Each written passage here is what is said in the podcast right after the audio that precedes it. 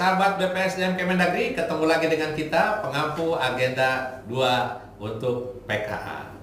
Ya, nanti akan kita bahas pada kesempatan sekarang ini adalah materi tentang manajemen perubahan sektor publik. Nah, khusus yang akan dibahas pada sekarang ini adalah mengenai bab 3 karena bab 2 dan bab 1 kemarin sudah. Nah, bab 3 itu adalah mengelola perubahan unit organisasi. Akan dibahas bersama-sama dengan uh, tim yang sangat hebat. Sudah hadir di tengah-tengah kita uh, Coach Denny. Uh, apa kabar Coach? Alhamdulillah selalu sehat. Waduh. Iya. Silakan diberikan salam untuk uh, sobat uh, apa sahabat BPSDM Kemendagri. Silakan. Salam semangat untuk seluruh sahabat BPSDM Kemendagri di Indonesia dan di luar negeri. Wih, ditambah wow. dong. Oh, ada luar negeri. lagi lagi ada liburan, lagi ada liburan ke sana. Oke, itu ada Coach Denny, kemudian juga ada Coach Mahmudan. Silakan Coach Mahmudan. Terima kasih Ya. Pak Sedang, Ya. Kang. Sahabat BPSDM Kemendagri, salam sehat selalu. Jaga kesehatan dalam situasi pandemi Covid seperti ini. Tetap sehat dan semangat. Waduh, Amin. luar biasa pesannya. Tetap jaga jarak dan Iya. kami juga tetap menjaga jarak. Oke, baik, eh, sahabat BPSDM Kemendagri yang berbahagia, sebagaimana dimaklumi bahwa manajemen perubahan itu, ya, saya mengulas sedikit, ya, pengertiannya saya ambil dari eh, pendapat dari Karen Koopman bahwa menyampaikan manajemen perubahan itu adalah sebuah pendekatan terstruktur untuk membantu organisasi dan orang-orang untuk transisi secara perlahan-lahan tapi pasti. Apa katanya coach kalau tapi pasti istilah pada ini apa tuh tadi coach ini? Slowly but sure. Solid wasur. Kalau istilah coach Mahmudan? Sama aja. Oh sama aja. Iya. Karena kita di mata Tuhan sama. Oh siap. Ya. Jadi secara perlahan-lahan tapi pasti dari keadaan yang sekarang ya dalam keadaan sekarang nih seperti ini menuju keadaan yang diinginkan. Tentunya keinginan yang lebih baik. Nah dari pengertian tersebut kita akan tuntas bagaimana tahapan-tahapan manajemen perubahan tersebut. Baik, eh, saya akan ke Coach Mahmudan terlebih dahulu. Coach, kira-kira tahapan manajemen perubahan itu eh, ada berapa lah atau sebelumnya ya ada berapa lah gitu ya atau bagaimana silakan coach. Baik, terima kasih Kang Edang, Coach Edang ya, Coach Denny ya. Ya. Eh, terima kasih. Pada dasarnya, secara umum eh, manajemen perubahan itu ada empat tahapan yang harus dilakukan. Oh ada ada empat. Ada empat tahapan. Oke. Ya. Yang pertama itu adalah bagaimana tahapan memahami permasalahan atau mendiagnosis sebuah organisasi. Jadi tahapan pertama ini bagaimana kita bisa mengetahui permasalahan apa yang terjadi di organisasi, kita diagnosis apa sebenarnya yang terjadi atau apa masalah yang terjadi di sebuah organisasi.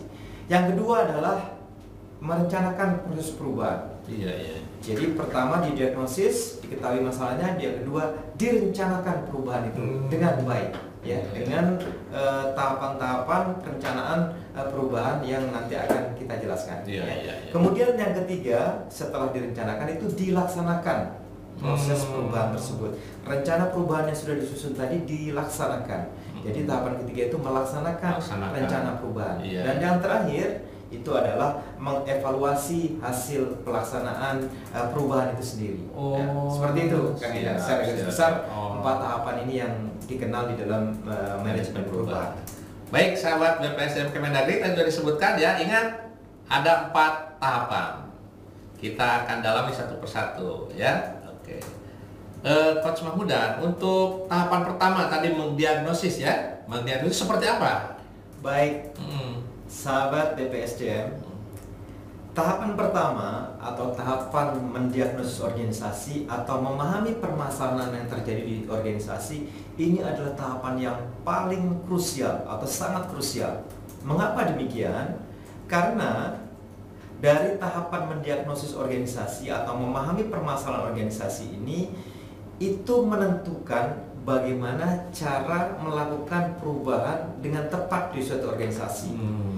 Kita semua tahu, Kang Eda, bahwa organisasi itu dituntut untuk melakukan perubahan dengan tujuan untuk mencapai kinerja yang lebih tinggi atau High Performance Organization Hmm. atau OBT. Oh, iya. Nah, oleh karena itu harus diketahui dengan persis masalah apa yang terjadi yang menyebabkan sebuah organisasi tidak bisa mencapai Iya, eh, iya. tujuannya.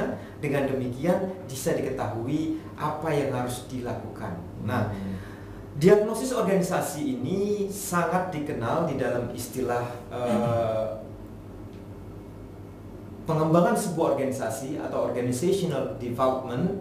Jadi di teori pengembangan organisasi itu tahapan ini sangat dikenal dengan istilah diagnosis organisasi yang melibatkan bagaimana kita harus mengetahui dengan tepat apa masalah-masalah yang dihadapi organisasi, kemudian mengakses ya, mengetahui kondisi-kondisi yang saat ini sedang terjadi dalam rangka untuk menyiapkan intervensi-intervensi apa yang harus dilakukan Hmm. sehingga organisasi itu dapat berkinerja lebih tinggi.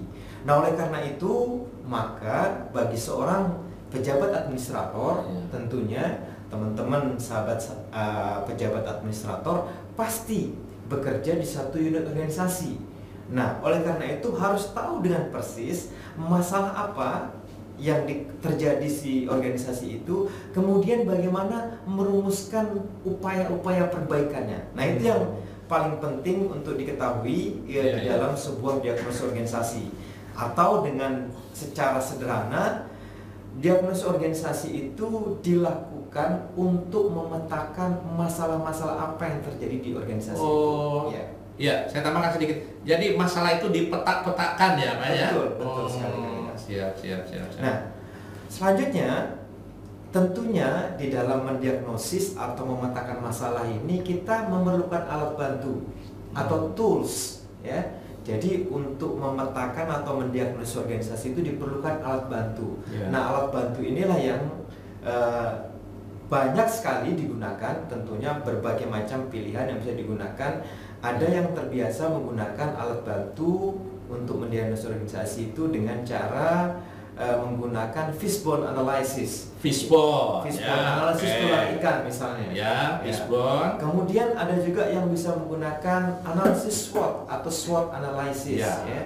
Itu juga biasa digunakan. Atau ada juga yang menggunakan uh, balance scorecard. Ya, balance score, ya. Bisa juga. Atau ada lagi yang menggunakan istilah uh, yang digunakan yaitu um, six model atau six stars models Hmm. ya. Jadi ada enam bintang yang digunakan di mana masing-masing bintang itu eh, mencerminkan sudut-sudutnya adalah fungsi-fungsi dari sebuah organisasi. Nah, ini lazim digunakan Kang Idang sehingga di dalam sebuah organisasi itu sangat mudah dipetakan.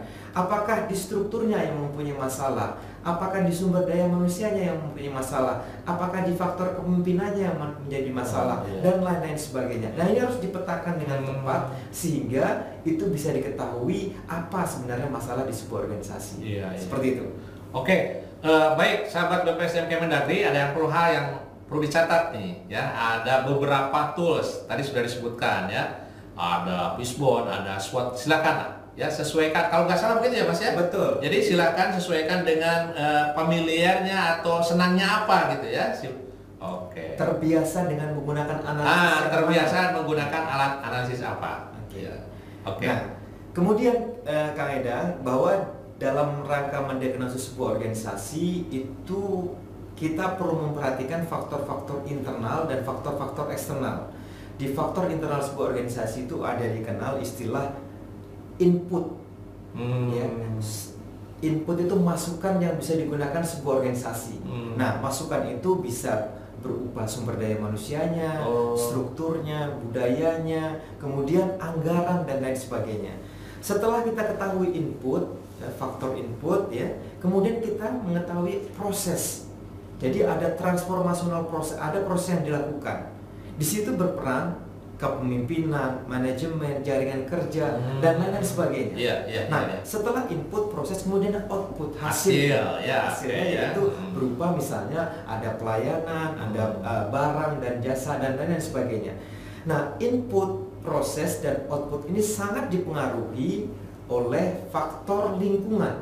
Hmm. Misalnya Kang Eda di teman-teman yang bekerja di sektor pelayanan publik misalnya, di dinas atau di badan yang menangani pelayanan publik ada faktor internal tadi input, proses dan output, namun juga harus memperhatikan faktor eksternalnya, Hmm. yaitu faktor lingkungan, misalnya eh, lingkungan yang mempengaruhi terhadap proses pelayanan itu apa. Nah ini sangat Oke. penting untuk diketahui di dalam proses eh, diagnosis sebuah organisasi. Oke. Ya.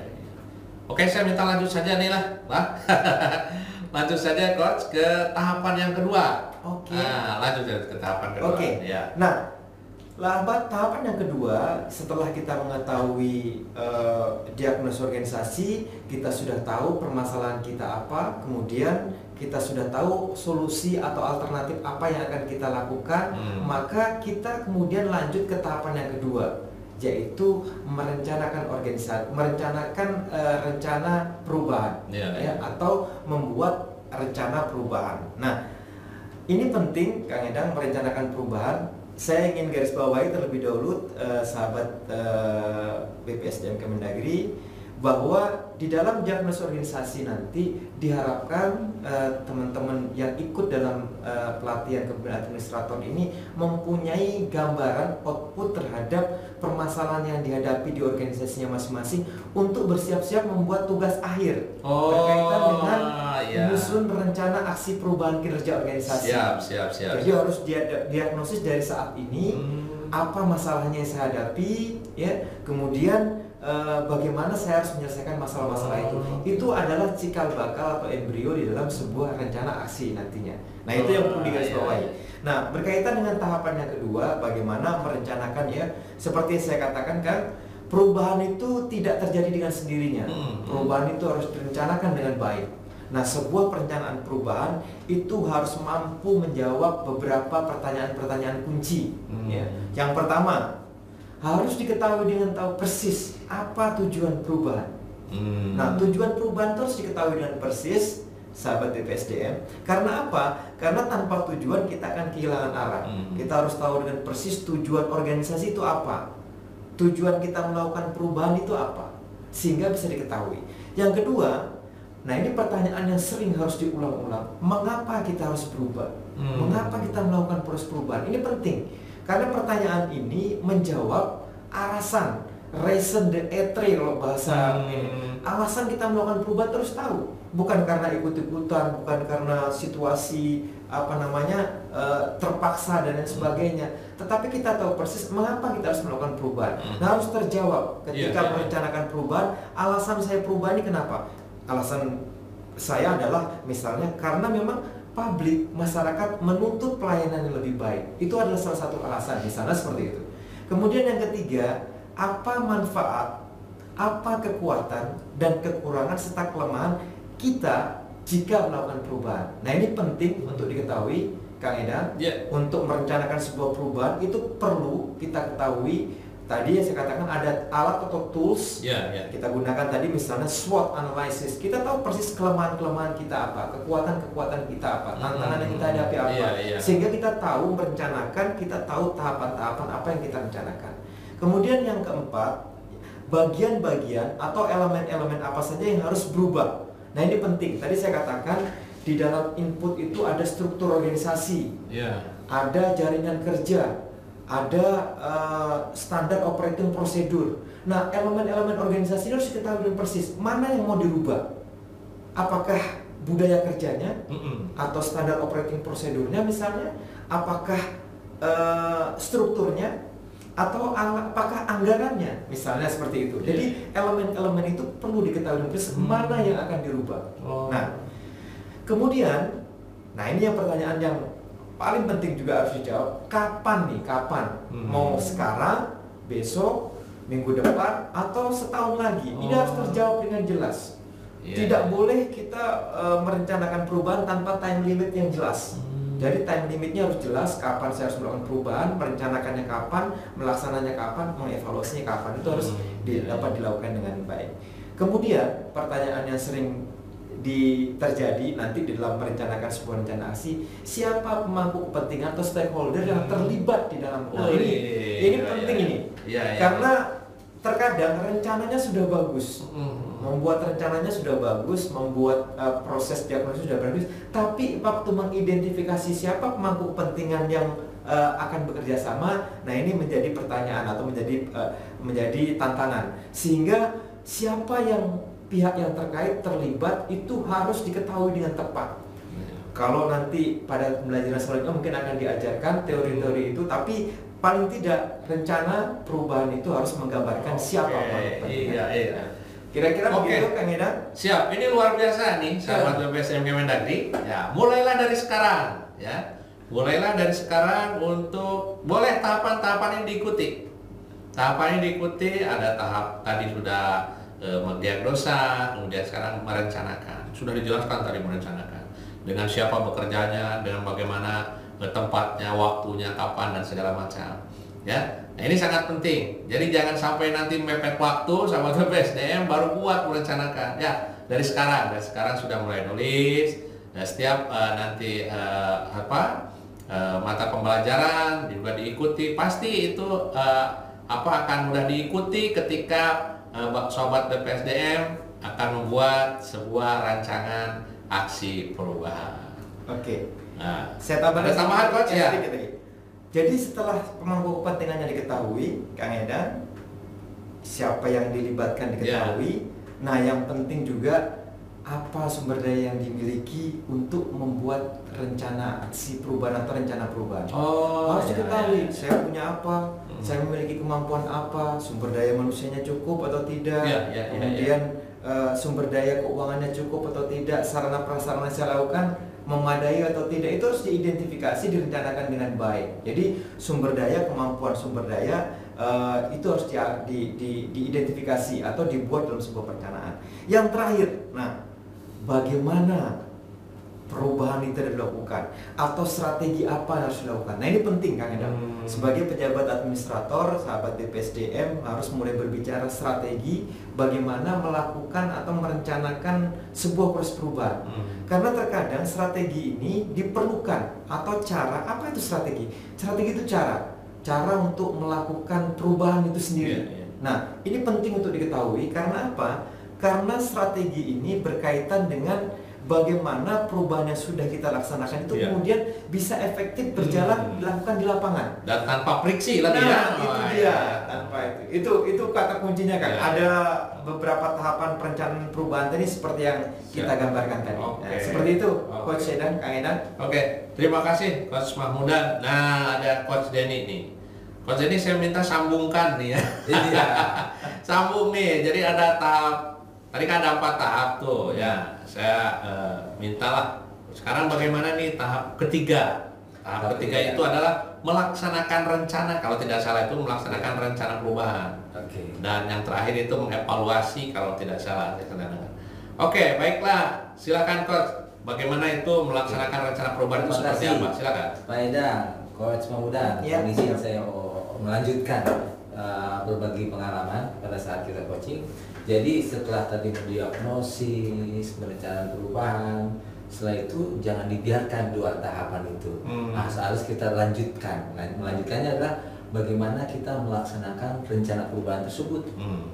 Ya, yaitu kita tetapkan setelah melakukan itu kita jangan lupa mensosialisasikan. Oh. Karena setiap kegiatan untuk melakukan perubahan itu pasti ada tim efektifnya, pasti ada anggota tim lainnya di Hmm. organisasi. Maka kita harus mensosialisasikan dan untuk melaksanakan secara bersama-sama. Karena untuk melakukan perubahan itu tidak mungkin sendiri. Jadi kita eh, melakukan teamwork, not only good katanya, but how to be a great team. Nah. great team itu bersosialisasi, komunikasi dan kolaborasi. Karena eh, kita lihat di lapangan itu pastinya tidak semuanya memahami apa itu aksi perubahan, formatnya dan lain sebagainya. Jadi harus disosialisasikan. Kemudian pelaksanaannya itu harus dilakukan secara konsisten. Oh. Jadi ada jadwalnya dan urutan kegiatannya, tahapan-tahapan, ada jadwalnya. Kalau tadi ngutip sedikit dari dari Coach Mahmudan bahwa kita harus jelas itu 5W 1H-nya ya, Hmm. 5W 1H-nya. Jadi jadwalnya jelas, waktunya, sumber dayanya dari Pak ya, Coach ya. Kemudian terus strategi perubahan yang dapat digunakan dapat mengacu pada tab tabel keterkaitan strategi perubahan dan manajemen perubahan dari sumber lain. Hmm. Jadi kita juga jangan hanya dari literatur yang kita dapat dari Itu ya. eh, tempat diklat kita dari narasumber tapi ada sumber yang lain dari misalnya internet dari jurnal dan lain sebagainya dari komunikasi dengan pimpinan atau mungkin kita membandingkan dengan eh, apa stakeholdernya buat stakeholder SKPD lain Hmm. tempat kerja unit yang lain kemudian untuk menjamin terlaksananya kegiatan-kegiatan tersebut sesuai dengan rencana perlu dilakukan usaha pengendalian Hmm. jadi jangan dibiarkan begitu saja, tapi kita harus dikendalikan. Dan pengendalian ini adalah pengertiannya adalah kegiatan pemantauan ditambah tindak lanjut perbaikan jika dijumpai ada hal yang kurang dan tidak tepat pada saat pelaksanaannya. Iya, iya, iya. Jadi di- dikendalikan. Hmm. Ini harus diapakan, siapa yang melakukannya, ke depan harus bagaimana. Jadi jangan dibiarkan begitu saja. Ada se- sedikit yang keluar jalur, keluar yang kita jadwalkan, keluar dengan tahapan-tahapan itu harus kita kendalikan, harus ke jalurnya lagi. Gitu. iya, iya. Sebagai leading sektor atau leading bukan leading sektor kali ya? Sebagai acuannya, Oh, iya. acuannya seperti Hmm. apa. Jadi kita ada sudah alur kerjanya. Alur kerjanya itu jangan sampai kita melenceng, kesepakatan bersama tentunya. Kemudian kegiatan pemantauan ini dilakukan dengan membandingkan pelaksanaan rencana dengan rencana yang akan ditetapkan. Hmm. Ya, pengendalian itu.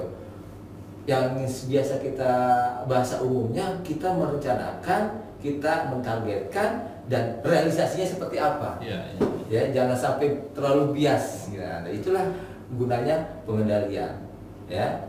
Kemudian itu hasil pemantauan itu dicatat Hmm. jadi kita juga perlu menggunakan eh, ilmu ISO International Standard Operation. Hmm. Ya, intinya catat yang kita lakukan, lakukan yang kita catat. Hmm. Kenapa harus kita catat? Karena kadang-kadang kita melakukan perubahan ada kelupaan, Iya, iya. ada hal-hal yang lupa. Nah kalau kita lupa, balik ke catatan kita. Iya, iya. iya. Sehingga nanti oh ini kadang-kadang kan Kalau mencatat tuh zaman sekarang mah pakai HP ya, coach ya. Iya. Ya tidak pakai bawa kertas ditulis tidak kan ya? Oh, Digital. siap. digital. by email, Oh, by email, atau iya. by WhatsApp dan Iya, lain iya. sebagainya. Jadi dicatat aja.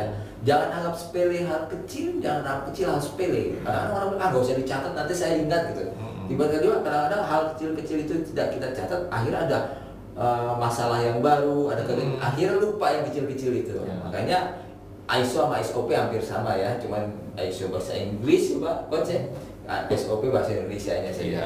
Oke, pemantauan tidak akan tidak ada ti- tindak lanjut walaupun ditemukan adanya kesalahan atau kekurangan yang pelaksanaannya maka tidak akan memberikan jaminan bahwa perubahan akan berhasil. Jadi Hmm. kalau pemantauannya tidak ada tindak lanjut, yang seperti grow yang kita kemarin kita bahas, Ya. ya kan, goalnya, ya kan, realitinya seperti apa, optionnya apa. Nah ini yang terakhir tindak lanjutnya, what next? Ya. Ya, willnya keinginannya apa berubah.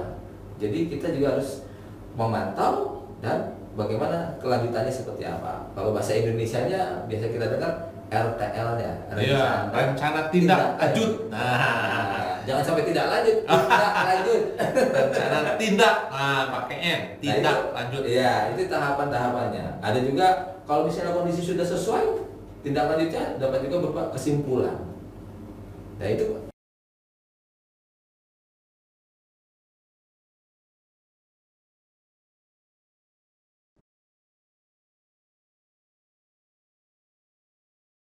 biasanya perubahan itu selalu ada kan? Yang tidak ada di dunia ini yang tetap yang tetap hanya perubahan. Makanya walaupun kita sudah melakukan aksi perubahan biasanya dalam hitungan detik hitungan itu berubah selalu nah itu yang kita kendalikan juga. Dan kadang-kadang kita sudah membuat uh, uh, sahabat BPSDM sudah membuat aksi perubahan tiba-tiba setelah selesai atau sedang menga- mengadakan diklat tiba-tiba dimutasi. Ada Hmm. juga kayak gitu kan. Makanya tim efektif itu kita harus komitmen untuk mengevaluasi mengendal- mengendalikan. Jadi tidak hanya peserta aksi apa eh, PKA-nya saja tidak hanya sahabat BPSN eh, pejabat administrator yang diklat tapi semuanya harus berkomitmen bahwa ini harus dikendalikan bersama Oke. itu itu yang ketiga pak Ya. Setelah itu ada tahapan yang terakhir Nah, ya di mana mana kan kalau kita sering dengar itu ada POA Oh, Eh, POAC. POAC. Iya, POAC. Planning. Organizing, Actuating, Perasaan dulu eh, kuliah semester 2 itu semester 1 kali Iya. ya? Oh, masih berlaku ya? Saya kira Pak Enan dari SD langsung kuliah. langsung Makanya jadi poek, Pak, jadi poek. Jadi di mana ada kontrol di mana dalamnya ada evaluasi, pengendalian dan evaluasi. Karena itu selalu mutar, memutar selalu. Nah kan, nah pada saat tahap akhir nih tahap keempat itu adalah mengevaluasi hasil pelaksanaan perubahan tersebut. Hmm. Diperlukan data yang lengkap. Di mana-mana kita kalau bekerja tidak ada data, tidak ada gunanya, tidak ada hasilnya. Iya, iya. Jadi data dulu. Ya. Kita mau mengevaluasi misalnya di kantor ini atau di kantor apa, data peserta berapa banyak yang sudah ada, Hmm.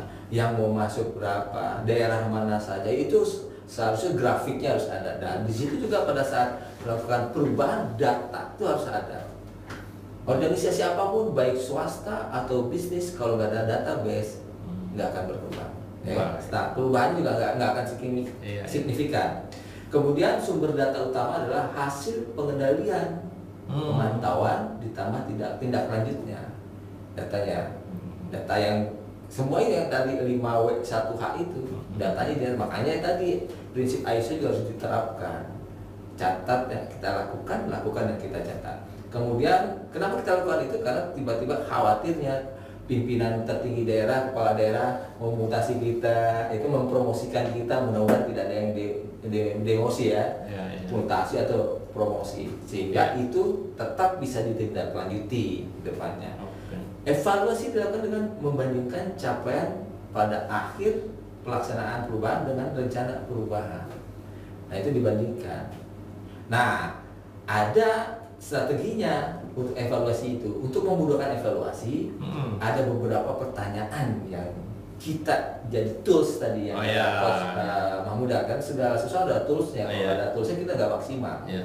ya untuk memudahkan evaluasi dan agar memperoleh hasil evaluasi yang jelas ada beberapa pertanyaan yang dapat digunakan sebagai acuan Hmm. salah satunya seberapa besar atau dapat dalam bentuk persentase atau kuantitas yang lain tujuan dan sasaran perubahannya tercapai Hmm. berapa persen targetnya berapa persen ya, yang tercapai berapa persen Iya, iya. Kemudian seberapa jauh kinerja organisasi unit kerja dan kinerja pegawai SDM meningkat? Meningkat Hmm. sebenarnya. Nah tools-tools itu ada banyak toolsnya nanti Hmm. pada saat di diklat kita kan bisa lebih bahas lebih dalam ya. Iya. Karena ini hanya memancing supaya minimal pejabat para sahabat BPSM sudah uh, yang ingin mengikuti PKA sudah Iya. wah merancang apa ini. Berarti nanti pada saat masuk kelas kan blended learning kan kita siapkan toolsnya apa saja. Kemudian apa budaya apa budaya kerja inovatif sudah terbangun? Maka budaya kreatif dan inovatif harus terbangun. Yang kemarin tidak lepas dari kemarin kita diskusikan Ya. Thinking in box, thinking out of box, The box, nah. thinking other box thinking. Ya, kreatif. Kemudian apa kelemahan dan kelebihan perubahan yang telah dilakukan? Nah itu juga dievaluasi, analisa SWOT tuh kan. Ah, ya. Kelebihannya apa kita, kelemahannya kita apa, apa kita perlu opportunities yang di luar atau hambatannya apa, dan kita kurangi kelemahannya, dirubah jadi kelebihan, tingkatkan kelebihan yang sudah ada lebih tinggi, sehingga perubahan itu selalu ada. Baik. Dan yang terakhir, mungkin bisa ditambah-tambah kreativitas yang lain, pertanyaan-pertanyaan yang ada irisannya dengan aksi perubahan lebih lanjut. Sehingga yang dievaluasi adalah selain perubahannya, tapi perubahan tidak hanya dari segi uh, sumber daya manusianya, dari semuanya. Jadi lebih baik daripada sebelumnya. Oke, oke sahabat BPSDM ada hal yang menarik.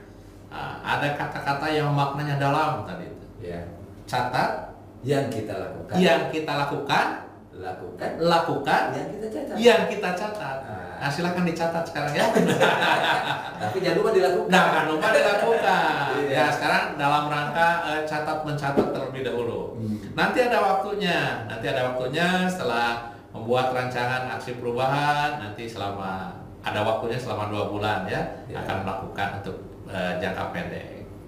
Nah, saya kira eh, apa empat tahapan ini lebih jelas ya, Pak ya? Ya. Eh, Coach ya? Ya. Lebih jelas. Ah, nanti kita akan kupas lagi lah ya pada pertemuan berikutnya. Saya kira eh, apa? Saya kira cukup. Terima kasih nih Coach Denny. Sama-sama, sama-sama. Coach Mahmudan, eh, sahabat BPS Terima kasih, Bang Kemendagri, ya. Nanti kita akan lanjut di pertemuan berikutnya. Saya Eda M. Kendana, Saya Mahmudan Sadik. saya Ahmad Deni undur diri dari ruang media BPSDM Kemendagri lantai 3 eh, gedung F di Jalan Kalibata Jakarta. Terima kasih, selamat berdiskusi. Sampai bertemu kembali. Sampai bertemu kembali.